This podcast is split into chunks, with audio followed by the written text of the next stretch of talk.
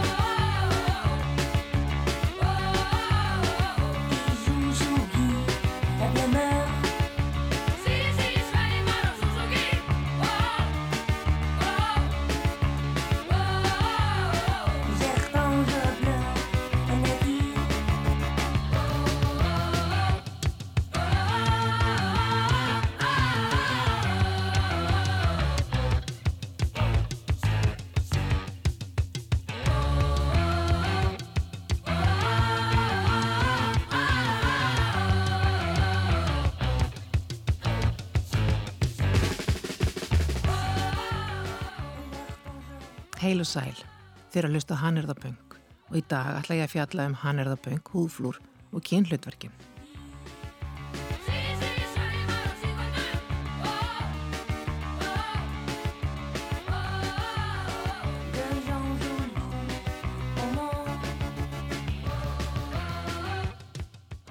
Hannirðir eru listform en einhverja hluta vegna hugsa flestur um Mónu Lísu, skúldur að Nínu Tryggvadóttur eða málverk Lúísu Mattiasdóttur þegar list ber á góma. Fæstir virðast hugsa um brótari og krossum en tengingin á milli hannir þá lista er ekki eins fjarlæg og fólk virðist oft halda. Í bóksinni The Subversive Stitch fjallar Rósíka Parker um tókstrituna milli hannir þá lista. Og til að gera langastögu stutta þá vil Rósíka meina að tókstritan sé sprottin út frá kynja tvíhyggju kerfinu svo kallaða og ójabri stöðu karla á hvenna fyrir alda. Með kynja tvíhyggjukerfinu verða að vísa í þá hugmynd að undirlíkjandi séu bara til tvö kyn, að þau séu andstæða hvors annars og bæti hvort annað upp. Kynja tvíhyggjan gerir líka ráð fyrir að karlar og karlmennskan sé yfirskipuð konum og hvenleika. Kynja tvíhyggjan er undirstaða kynjakerfisins. Rósíka bendir á að í gegnum aldinnar hafi kartmenn lagt mikið upp úr því að sanna yfirbörði sína þar með talið í listheiminum. Meðan konu sáti heima við útsöm heldur karlarnir digur barkalegir út í heimin með landvinninga í huga. Þegar þeir komið tilbaka voru þeir oft búinir að arðræna grafir og nappa fornmunum. Í augu karlmannana voru þessi dýrgripir oft stórfenglegri heldur en tímafreg og stundum hverstagsleg handafinna eiginkvenna þeirra handavinna sem krafist mikillar einbeitingar, færni og kyrsetu. Auðvita var þetta viðþorf ekki algilt, en það er áhugavert að skoða hvernig hannrið hafa oft verið flokkar sem hvenlega digðir frekar en listform.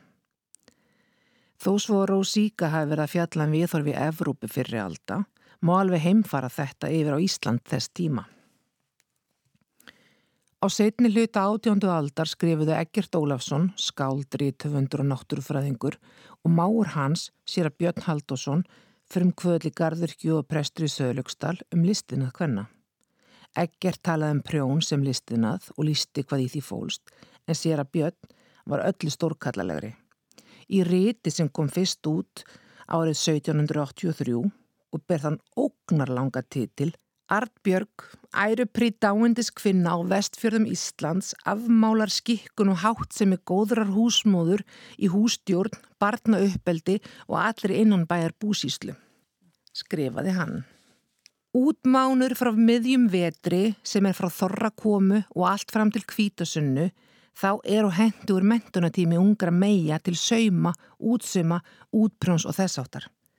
Þegar hann það stúlkur eru kostgefnar í nokkru vandaverki og láta mentast, fá þar nokkra litla gáfu sem þeim er þarfleg. en hinar sem dopnar, glimnar og gjálífar eru fá alls ekki fyrir þar vinnaða nýju. Með öðrum orðum þá er hann að rútskýra batna uppeldi hjónabandið og hann er þeir siðbrúður að stúlkna fyrir konum. Nokkus konar konur verða bara að vera dugleri við að vera dugleri, pistill. Á síðustu 20 árum hefur Amris kona namni Leslie Durst sapnað um það byrju 500 eintökum af útsimstykkjum skoskra barna frá 18. og 19. öld. Hún ánafnaði skoska þjóðminnesapninu öll útsimstykkin en frá árunum 2018 til 2019 voru nokkuð stykki til sínis í útibúi sapsins í Edinborg. Útsumurinn sínir ekki aðeins þróun handverksins heldur varpar hann einnig ljósi á sögu Skotlands, mentun, trúarbröð og siðferðiskend samfélags þess tíma. En einnig má sjá persónlega reynslisögur barna og hvenna. Sögur sem sjaldan hafa fengið pláss í manginsögunni og það, krakka mínir, það er hannirðaböngi nótskurn. Í gegnum hannirðir fekk ákveðin þjóðfélagshópu rödd. Rödd sem annars var kvorki áleitin merkileg nokk til að hlusta á, nýja til að taka marka á. Ég ætla að gefa mig það að langt flestir lustendur kannist við Nobel-skaldið hann Haldur Lagsnes sem var oft á yðurlegu undan sinni samtíð. Ára 1943 skrifa hann fallegan pistil um hannirðakonur. Heyrim nú Haldur Lagsnes, einni þekktan sem Dóra Djena, lesa hugleðingar afa síns og nafna.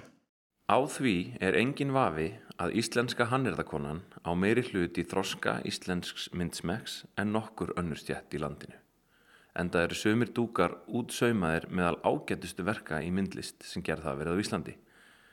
Ég skal aðeins minna hér á íslenska vegtjaldið í Victoria Museum í Lundunum, saumað með krossbóri, myndirnar úr gamla testamentinu í mjög fornum stíl, að dómi listfræðinga gert undir austrænum áhrifum, arambískum og bísantískum. Í hverri sveit á Íslandi hafa á öllum tímum landsbyðarinnar verið til hannirðakonur og sumar snillingar sem innrættu þjóðinni stílrænan smekk og rétt skinn á myndlist. Þannig að jafnvel ramstíluð mynd getur ekki komið Íslendingi ókunnuglega fyrir sjónir. Gesturinn hilsar með fögnuði jafn ónáttúrulegu úr stílfæriðu hugmyndablómi og safrónsrósinni á gamla söðarlaklæðinu.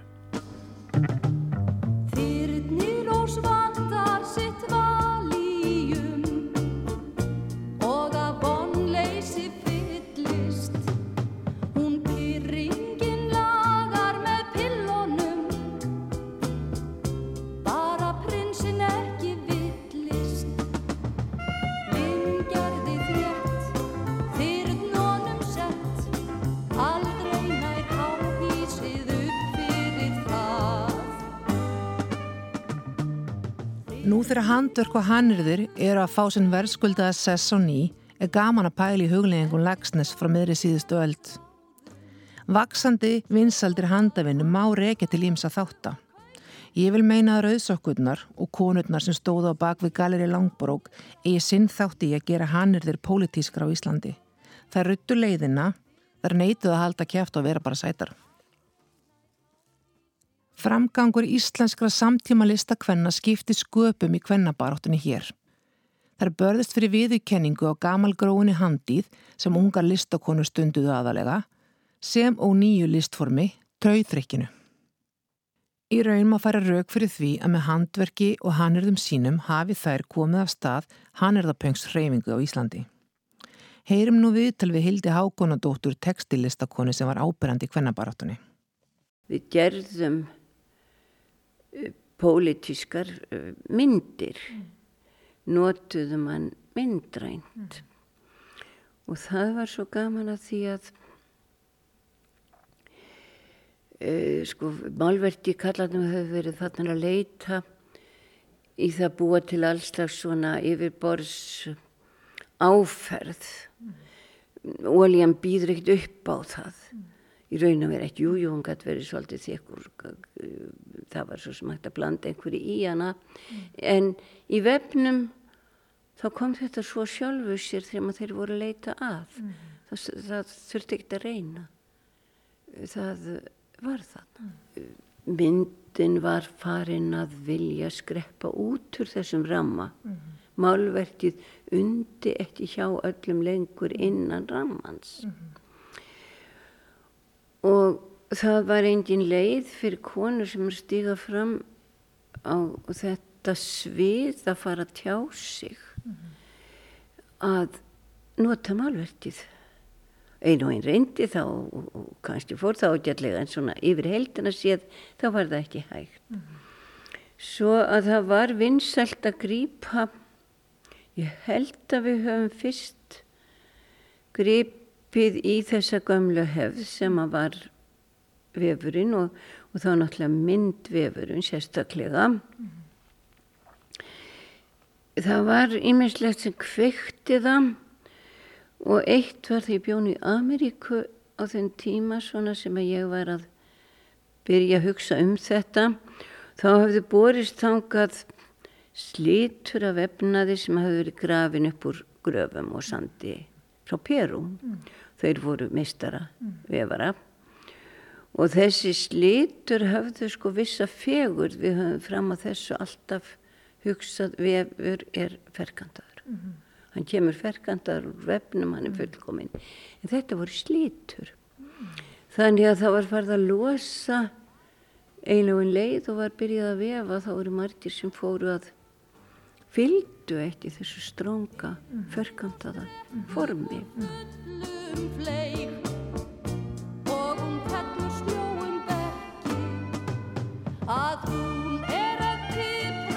Pínda geik skilur prinsinn víst ekki. Ég var með þó nokkuð mörg námstíð í vefnaði. Mm -hmm. Og ég lagði mig eftir alveg sérstakri aðferð. Það var líka til að reyna að losa um. Við fórum að fara inn í nýja tíma og það var ekkert varið í það að vera endur gera eitthvað sem að búið var að gera. -hmm. það var enginn vissa fyrir því. Allar, allir sögðu á þessum tíma að ég get ekki teiknað ég get ekki teiknað, ég get ekki þetta. Mm -hmm. og uh, ég þjálfaði mig upp í því að uh, láta fólk vefa littlar myndir af vísu án þess að hafa nokkra fyrirmynd. Já. þú þurftir að leita. Mm -hmm þú, þú þurftir þarna að fara og leita líka miðlinu Já. og það gerði bara að styrkja í raun og veru uh, upprisnin eða, eða sem sagt uh, styrkja þær konur sem að lögðu út í að skapa. Eldir svona baráttu andan hjá þeim Alveg heiklust en það er kannski gaman að segja frá því að þegar við vorum að leita að nafni mm þurftum að finna nafn mm. og eins og ég segi þá byrjaði þetta með uh, að kalla þetta þráðlist mm -hmm. síðan var það einhvern veginn ekki fullnægjandi náði ekki við nómart og þá kom erlenda orðið textil upp mm. Og við fórum í þá bestu íslensku fræðingar sem við gátum fundið áður heldur en að það var ákveð að festa þetta nafn. Bæði á textilfélagin og svo sem, sem samheiti yfir eh, þessa listgrein. En textil er náttúrulega komið úr latínu. Mm. og það þýðir það sama og texti. Og um, þegar að menn fara að skrifa mm. þá í raun og veru hafa þeir það var ofið svo lengi áður en við förum að skrifa mm að þegar þú ferð að fylla blaðsíð með skrift mm þá fylgjur þú í raun og veru þræðinum eins og þú setur þá ertu bara með stinn eða pergament eða eitthvað sem uppstöðuna en þú fyllir inn í hann eins og við gerum í yfafinu með skrifstöfunum og það var mjög stemtilegt í íslenskri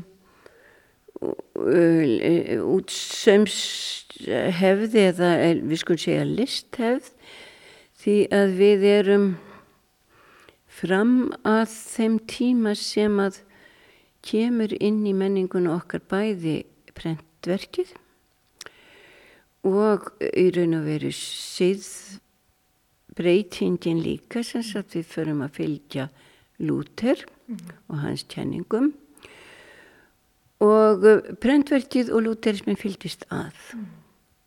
Fram af því þá höfðum við gert mjög mikið af reyfilsvæmi mm -hmm. og þá byrjarðu þú teiknar mynd, raunverulega mynd af fólki og þá voru það mjög oft, fyrirmyndirna voru mjög oft dýrlingar, myndir og biblíusögunum og þá gerur þú allar útlínur með uh, kontorsteng. Þá, þá markar útlínuna með því og svo fyllir þú, inn, fyllir þú fletina inn, svona eins og bæju reyfellin er. Við gerum þarna á eigum en þá mjög fögur alltarisklæði sem eru gerð en þau tilhera katholskun tíma. Svo verður áherslu breyting.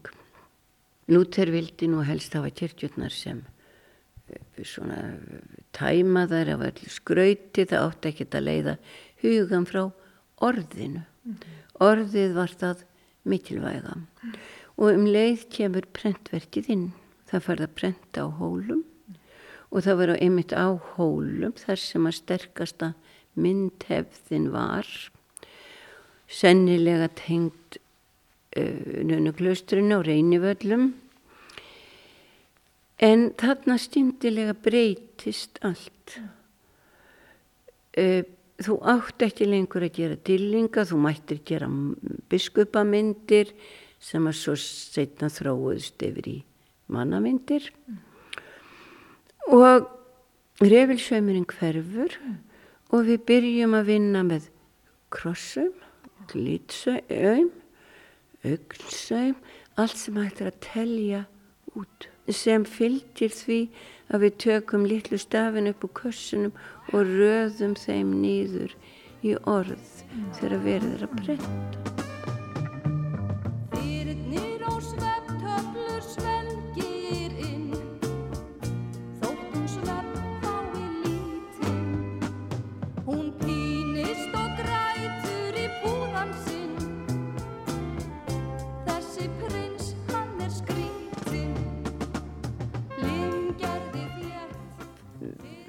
Þarna á þessum tíma svona upp úr 60 um og í kringu 68 og frem yfir 70 þá barstinga til lands til dæmis tauðþrykkið mm -hmm. með stúlkun sem hefði verið í Svíþjóð og þetta var nýjung og þessu var líka tæti fagnandi mm -hmm.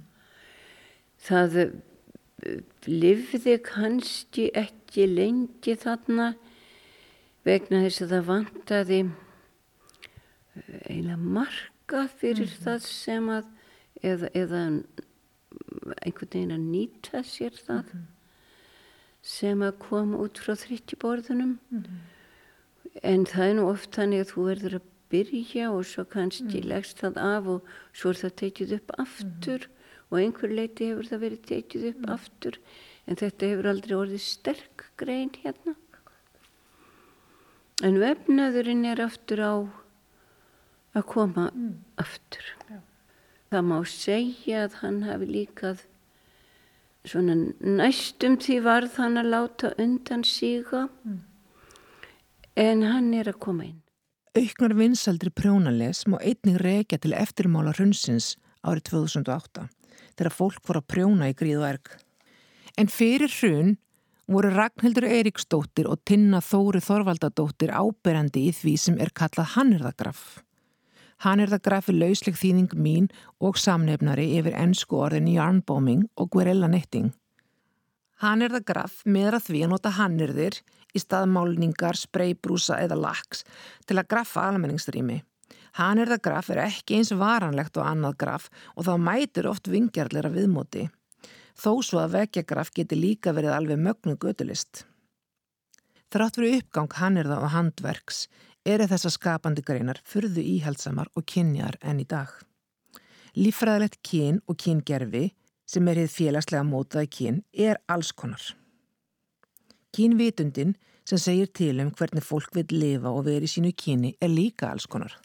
En kynja ímyndir, það er hvernig við ímyndum okkur að kynin eigi að hegða sér, virðast oft gera ráð fyrir að konur prjóni og karl með smíði. Eða hvað? Some guys like to die if a gal does them wrong. And others lie awake and cry the whole night long. Some people lose a baby, they just throw a fit. But me, I just sit down and knit. I'm gonna knit, knit, knit all day. I'm gonna knit my blues away. Well, if I'm feeling low, I knit a row. Cause a fella needs his knitting just to ease his soul. Well, hello, King Cole was a merry old soul whenever he was feeling down. Hér á Íslandi er til félagskapi sem heitir Karlar Prjóna og má finna á Facebook undir sama nafni. Og svo er það listamæðurinn Lógi Höskuldsson sem sögumur út með flósnál. Ég tók þá tali og spurði meðal annars hvernig þeir hafi komist í kynni við hannirðir og hvernig viðbröð þeir hafa fengið. Uh, ég heiti Lógi Höskuldsson. Getur þú sagt mér, hvað varstu gammal þegar þú hérna byrjar að sauma út? Sko, sko árið 2010 ger ég fyrstu síningunum mína. Uh, þá er ég 23. Þá svona fyrir ég fyrst að sauma út. Hefur alltaf saumað út þar að segja alltaf svona frá því hvar lærður þú? Lærður þetta í grunnskóla? Var einhver sem að kendi þetta í nærumkörunniðinu? Sko, ég er bara búin að læra sjálfur að sauma út. Ég samt er náttúrulega bara í endlusu samtali við mömmu mína sem sko er sjálf hann er kona.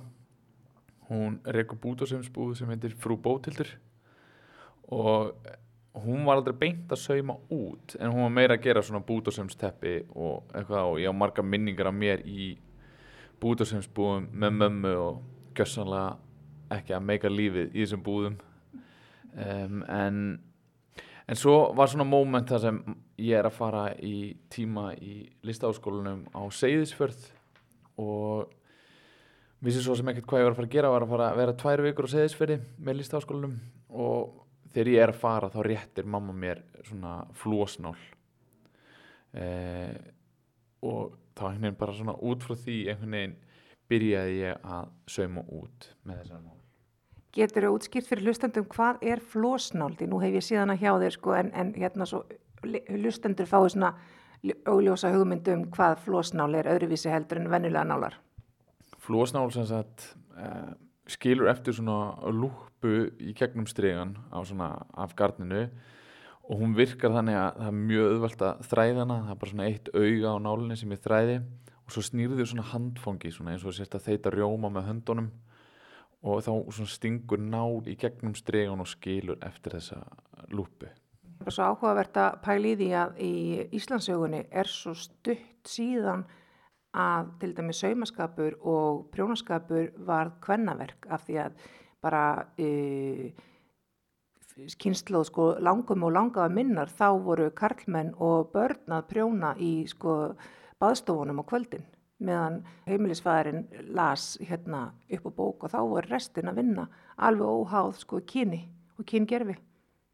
En segðu mér hvaða viðbröð hefur þið fengið? Nú ert þú ungur karlmaður uh, að svona stíga inn í svona mjög íhaldsaman heim í raun og veru sem að hefur verið svona lang flestu leiti dómunir af konum að því leiti að það svona, það hafa alltaf fyllt af kartmennu verið að, að sauma og prjóna en þetta er, hefur einhvern veginn svona bara algengar við sjáum svona unga kartmenn í dag. Hvernig viðbröð hefur þið fengið svona frá fólkinni í kringunni? Er það hissa af því að þú ert ungur karlmaður eða er það hissa að þú hafir áhuga á þessu?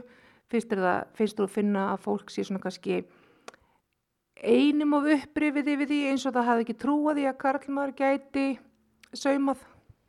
Ég held að sé náttúrulega bara, ég hef fengið viðbröð held ég af öllu þessu sem þú taldir upp, þú veist svona smá svona dass af öllu þessu.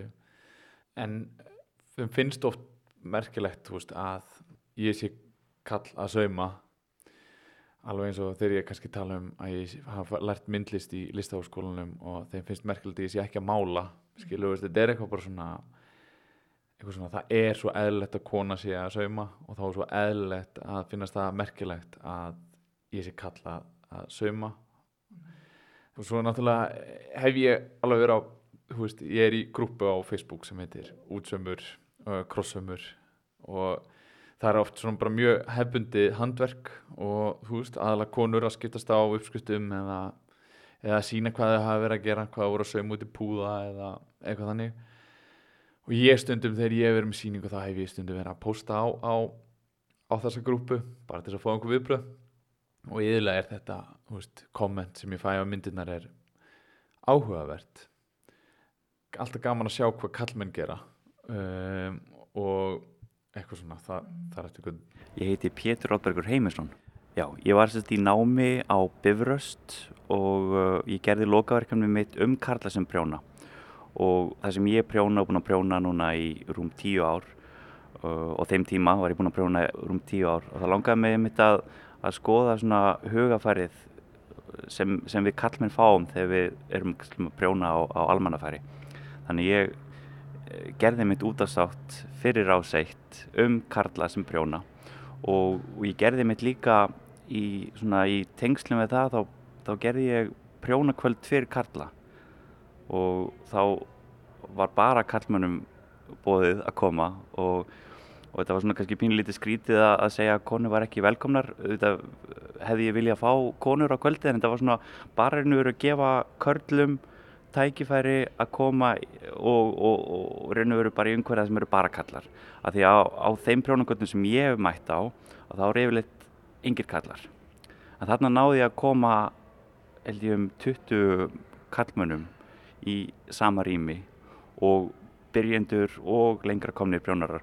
Og einmitt þar var eitt kall sem búinn að prjóna í 40-50 ár. Og hann hefur aldrei prjónað á almannafæri, hann er alltaf prjónað bara heima á sér mér þótti það mjög fallegt og, raunuru, og líka raunuru, bara sýnir sko, hvernig sko, sýnir bara högafarið að hann, hann getur ekki farið út úr húsi til þess að prjóna því hann, hann þykir það óþægilegt. Það kemur um akkurat inn á næstu spurningu hjá mér. Hvernig hérna, viðbröð hefur þau fengið? Og, og hefur fólk uh, hérna, síndir viðbröð í almenningsrýminu eða hefur þetta verið meiri aukgotur eða, eða hefur þau fengið bara beina spurningar? Hvernig viðbröð svona, hefur fengið gegnum gangandi? Ég personlega hef fengið mjög jáka viðbröð við brjóninu og, og í raun og veru hvert skipti sem ég sett myndir inn á á Facebook eða Instagram ég fæ mjög jákvæð viðbröð við því en ég bjóð út í Hollandi í nýjár og þar prjónaði ég stundum í lestinni eða í strætunum og þar uh, sá ég fólk horfa á mig og það var yfirleitt konur, svona eldri konur sem horfa á mig og brostu. Og viðbröðin hafa verið mjög jákvæð svona heilt yfir. En ég hef alveg fengið líka svona neikvæð viðbröð og kom konu upp að mér og einhvern tíma búið og segði við mig þú ætti ekki að vera að prjóna það eru bara, bara handprjónum bara fyrir konur. Mm. og þá svona einhvern veginn hugsa ég ok við sem samfélagi erum að breytast mjög mikið. Við erum orðin miklu opnari fyrir allskins hlutum eins og bara þessu, þessu svona karla og hvenna hlutverkum þetta, þetta er búið að einhvern veginn að blandast meira. Mm. karla geta prjónað konur geta lært að, að fljúa flugvel og, og, mm. og þú heyrir í konu í, í hérna kæru farþegar, velkomin í þetta flug. Og það heyrir ekki bara í kall, kallmennum eins og þetta hefur alltaf verið í gegnum tíðina þannig að það er mjög jákvæmt en samt einhver síður þá er eins og þetta sé sé einhverju ekki beint baratu en svona vekja aðtegli á að karlar geta líka prjónað Handavinna er ofta áleitin vera til dala mennlaus gjörningur, jafnvel hvenlegur heimilisinnaður, en hann er það pöngi hvetur fólk til að speikla og augra staðalmyndunum. Annað dæmum hannirðapöng sem augra staðalmyndum er verkefnið Karlar í skúrum eða The Man's Shed á ennsku. The Man's Shed á rætur að reyka til Ástralíu en verkefnið hefur breyðst út til fleiri landa þar með tali til Írlands. Það er engum blöðum með það að fletta að á Írlandi hefur verkefnið átt þátt í að heila gömulsár átaka með smíðavinu. Dæmi er um að fyrfirandi íra-menn vinni hlið við hlið með gömlum anstæðingum sínum og þá krakka mínir Þá er verið að stuðlaði betri heimi og það er kjarnin í hannirðapönginu. Það er skemmtild að segja frá því að verkefni Karlar í skúrum að finna núna á Íslandi. Ég settist niður með herði Sturlusin í neðra breyðholti og hann er yfirmaða verkefnisins hjá Rauðakrossi Íslands. Gjör svo vel. Eh, Hörður Sturluson heiti ég og er verkefnistöru hjá Rauðakrossinum í Hafnafjörð og Garðabæ. Eh, ég hóf störf núna að verða fyrir tveim árum í november 2017 og var áður með annars til að byrja með verkefni Karlar í skúrum á Íslandi. En það er verkefni sem er viða Erlendis og heitir þá í ennskum löndum Men's Sheds. En verkefnið þó byrjaði í Ástralíu fyrir 25 árum. En þar var fyrsti skúrin stopnaður í kringum árið 1993 það kom þannig til að það var kona sem ég heit, heitir Maxine. Um, hún sem sagt var með svona samfærslega verkefni í svona community hvað heitir það? Já, svona, svona, svona hverfismiðstöðum eða svona, svona, svona svona félagsmiðstöðum. halgjörn þjón, þjónustu miðstöðum og var með verkefni fyrir eldri borgara. Og hún tók eftir því að þetta var bæði fyrir konur og karla og hún tók eftir því að kallanir skutla alltaf konunum og byði alltaf út í bíl því að þær voru að gera, gera sem þær voru að gera þannig inni en þeir kom aldrei inn sjálfur og þetta var stór hópur og hún fór að taka eftir því að þeir voru, voru margir að deyja sem kallar hættu að koma og kall, konur voru orðnar ekkjur og svona.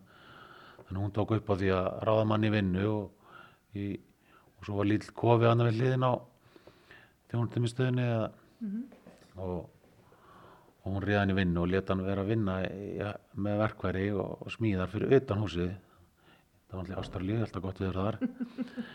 Og svo fóru kallarnir þá fóru, fóru kallarnir út í bílnum og fóru að tala við kallinn og svo fóruð með hann að vinna í skúrin og þannig var fyrsti skúrin til. Og í dag eru 1000, yfir 1000 skúrar í Ástralíu.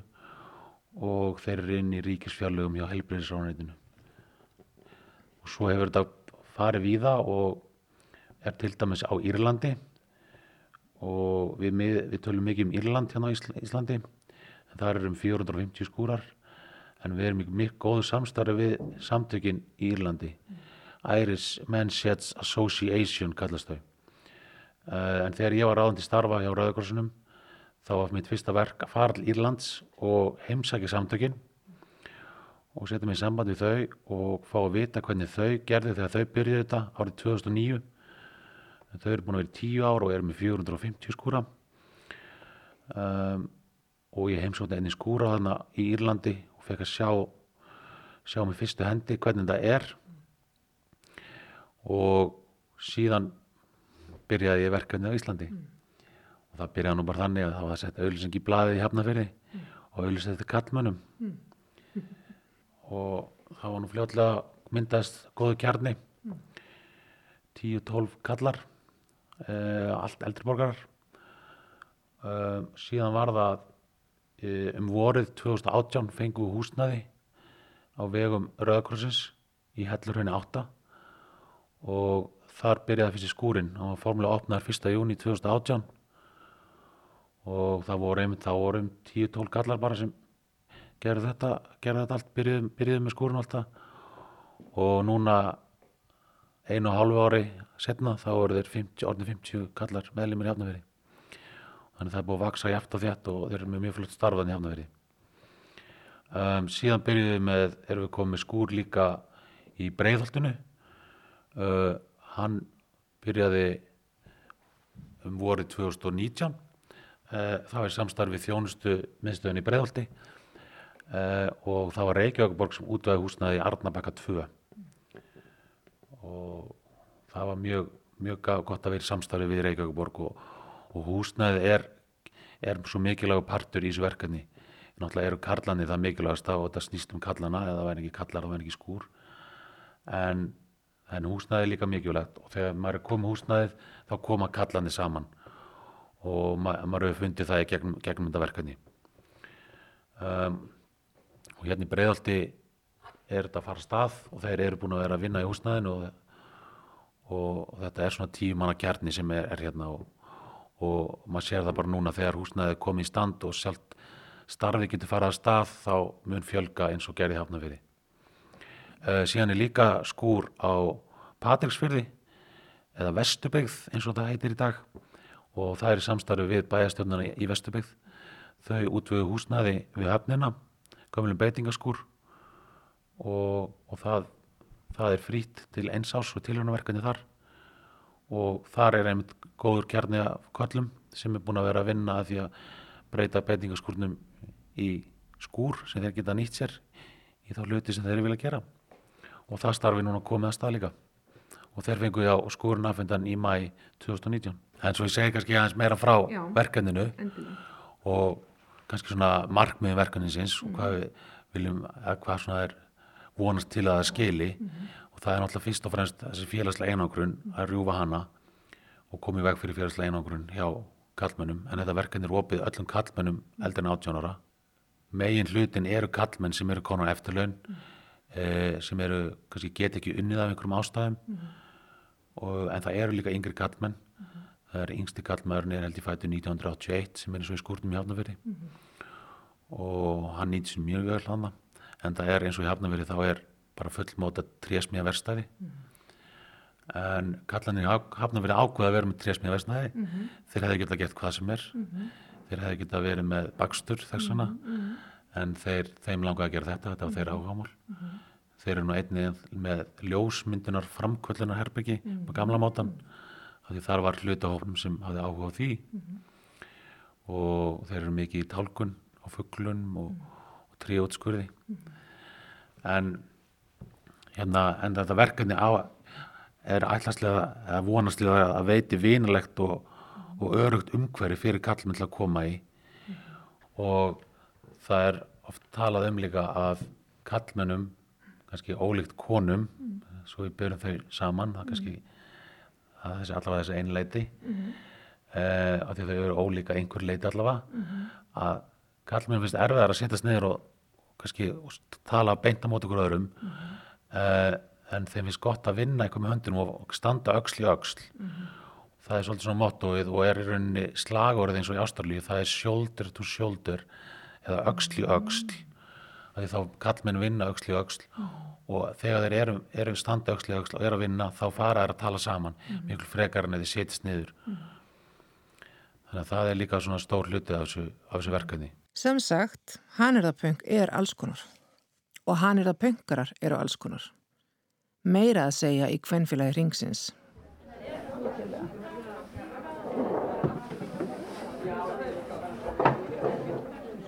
Nú hafa eflaust margi hlustundur orði hissa, en samt sem máður má færa rauk fyrir því að hanirðahópur ringsins sé í raun og veru hanirðapöng í sinni tærustu mynd. Hlusti nú. Einu sinni viku hittast alls konar konur með alls konar bakurinn og vinna eitthvað í höndunum. Sumar prjóna, aðra sauma út og einhverja hekla. Síðan er herligheitunum sapnað saman og selt á hennum árlega jólabassar. Allur ágóði rennu til tækjakaupa fyrir batnaspítala ringsins. Með öðrum orðum, með handverki sínu styrkja ringskonur viðkvæman samfélagshóp sem hefur enga burði til að standa í fjáröflun, en það eru veik börn og fjölskyldur þeirra. Og það, krakka minni komiði sæl, það er Hannirðapöng. Ég hitti fjóra ringskonur þar Ástísi, Kristjánu, Mæbritt og Kristínu og þar sögðu mér frá fjáröfluninni. Fyrir basarinn sem alltaf er fyrsta helgin í nóvumber, þá fáum við alltaf að stilla í útsýnisklukka, stilla út vörunum okkar eða svona sínisotni af vörunum okkar í herragarðinum í, smár, í Smáralind og líka í herragarðinum í Kringlunni og þetta er svona tveim, þreim vikum fyrir basarinn sem þetta er sett upp og fær að vera fram á að basar. Og þetta er búið að skemmtilegt að skoða þessa klukka. Það er svona sínisorna vinnunni sem hefur verið og verður á basar á hverju ári. Þetta er mjög skemmtilegt því þetta er hannirðagraf í almenningsrými. Þarna eru þið að taka yfir svæði sem er vennilega ætlað fyrir hérna, útstillingar á, á herrafötum og þarna er þið með sko það sem hafa svona mjúkar kvenlega dygðir í herrafata verslun þannig að þetta er sko svo sannlega hanirðapöng og þetta er hanirðagraf í almenningsrými. Hvað finnst ykkur um það þegar ég set, seti þetta svona fram? Ég, þetta er bara allt í lagi. Maður, ég, skil, ég skildi þetta orð ekki beint þegar þú saði það fyrst en ég er nú svona aðeins búin að þú er búin að útskýra þetta fyrir okkur og Já. mér finnst þetta allt í lagi. Já, Já bara mjög skemmtilegt. Já, mér finnst það. Mér finnst þetta svona nýrði. Já, þetta er nefnilega nýrði. Já, akkurat. Og þið eruðu náttúrulega að stöðla að betra samfélagi fyrir svo marga með ykkar hannirðum og það er kjarnin í hannirðapöngi. Við erum alveg komið með nýja sín á þetta sem við erum að gera. Ég held það. Það var skemmtilegt, bara mjög skemmtilegt. Mjög gaman. Já. They don't play the song on the radio. They don't play the song on the radio. They don't play the song on the.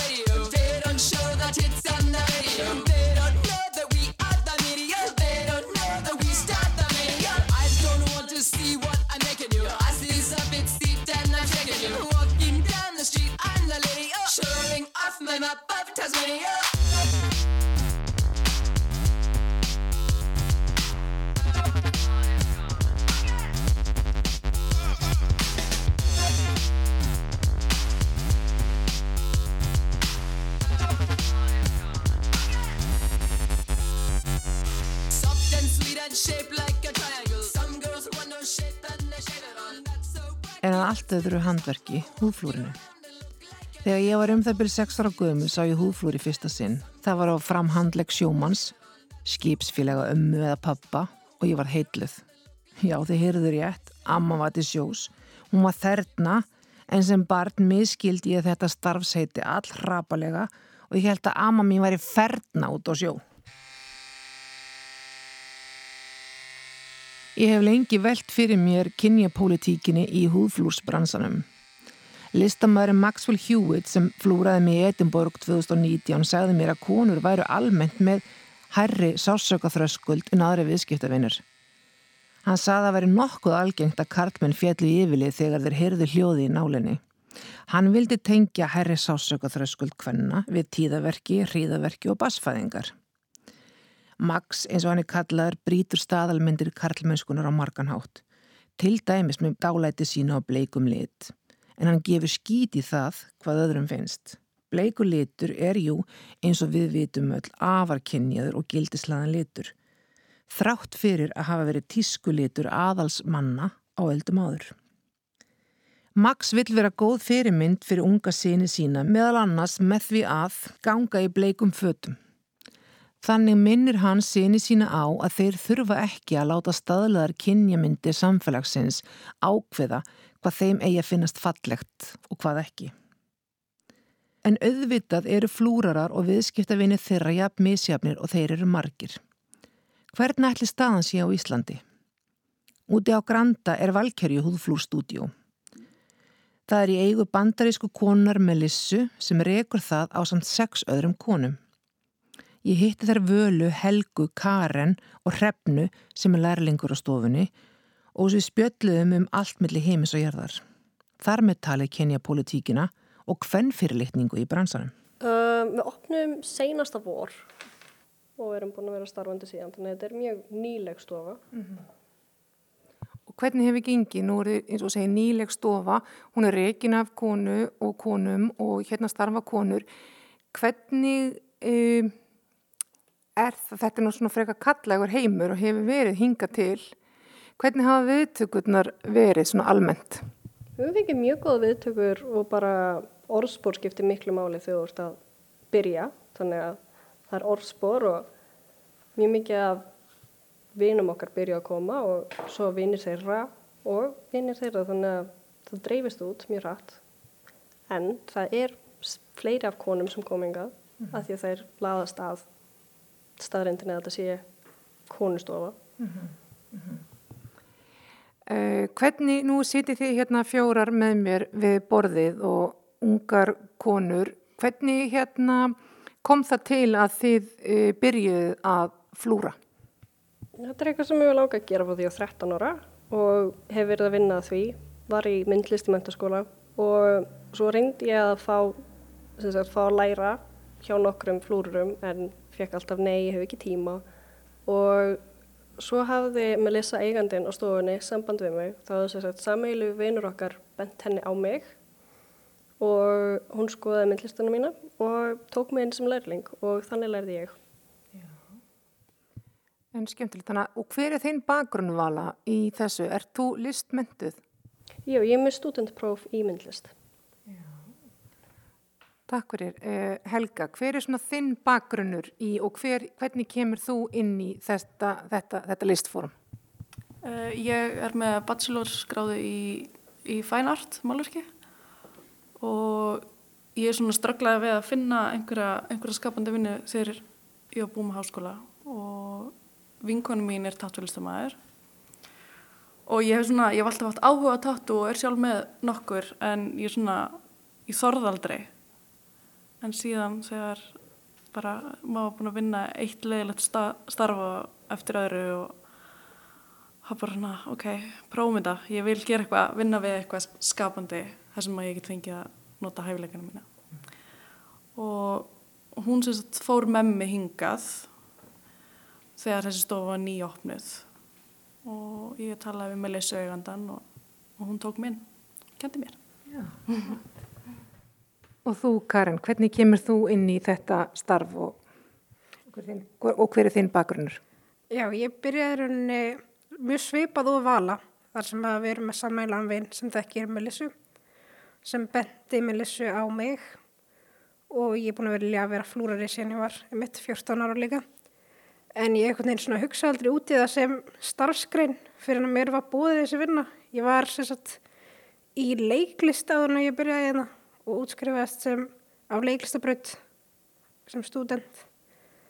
En svo er þetta bara á mjög vel við mig. Mjög fínt.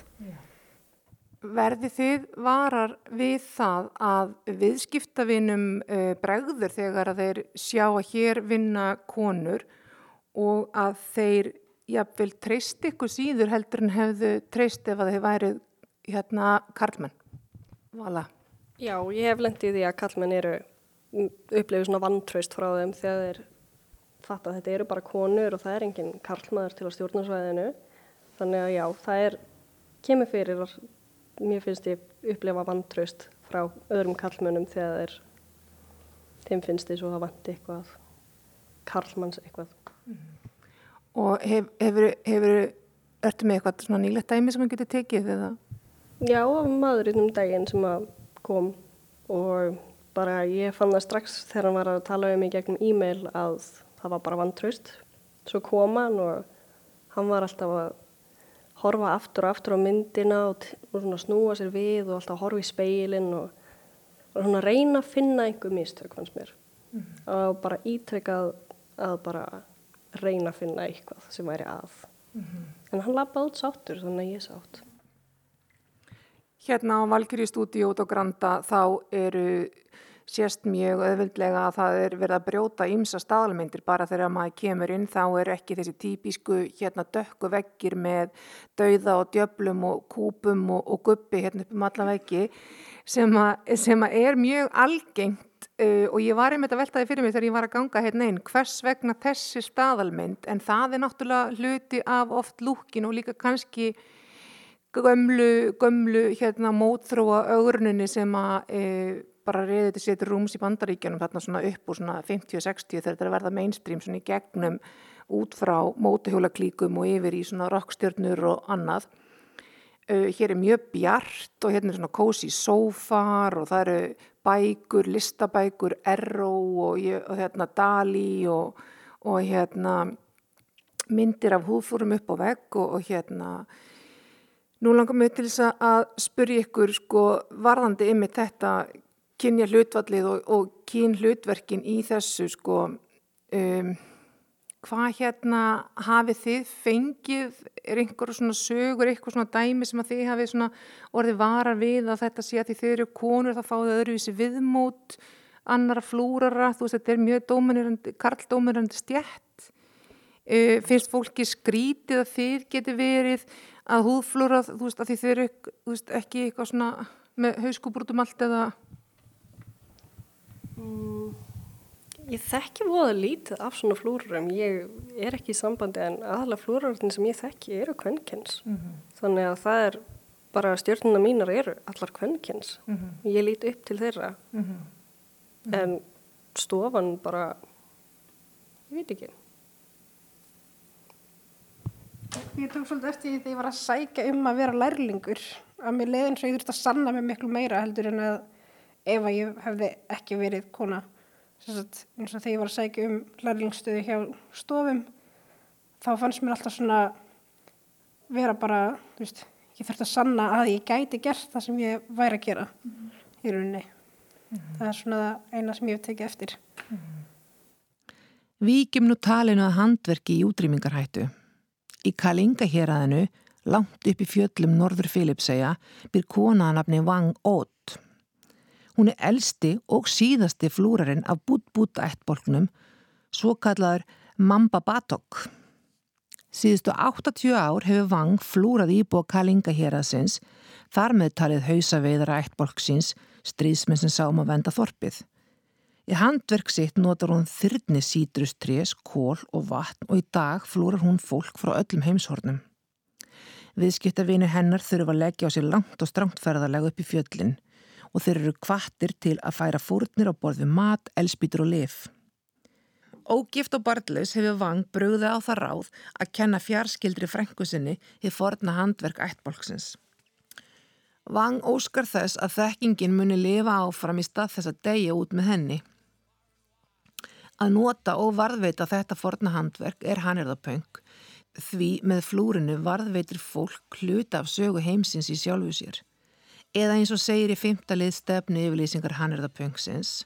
Hannirðapöng stuðlar því að hefðbundinu handafinu sé fundi nýtt hlutverk. Hannirðapöng leggur áherslu á mikilvægi þess að heiðra handverksfólk sem á undan okkur í gengið og að virðing sé borin fyrir handafinu þeirra. Þannig get við varðveitt og borið kunnóttu þeirra áfram til komandi kynsluða. Með þessum orðum líki umfjöllin minni um handverk hannirðapöng og húflúr.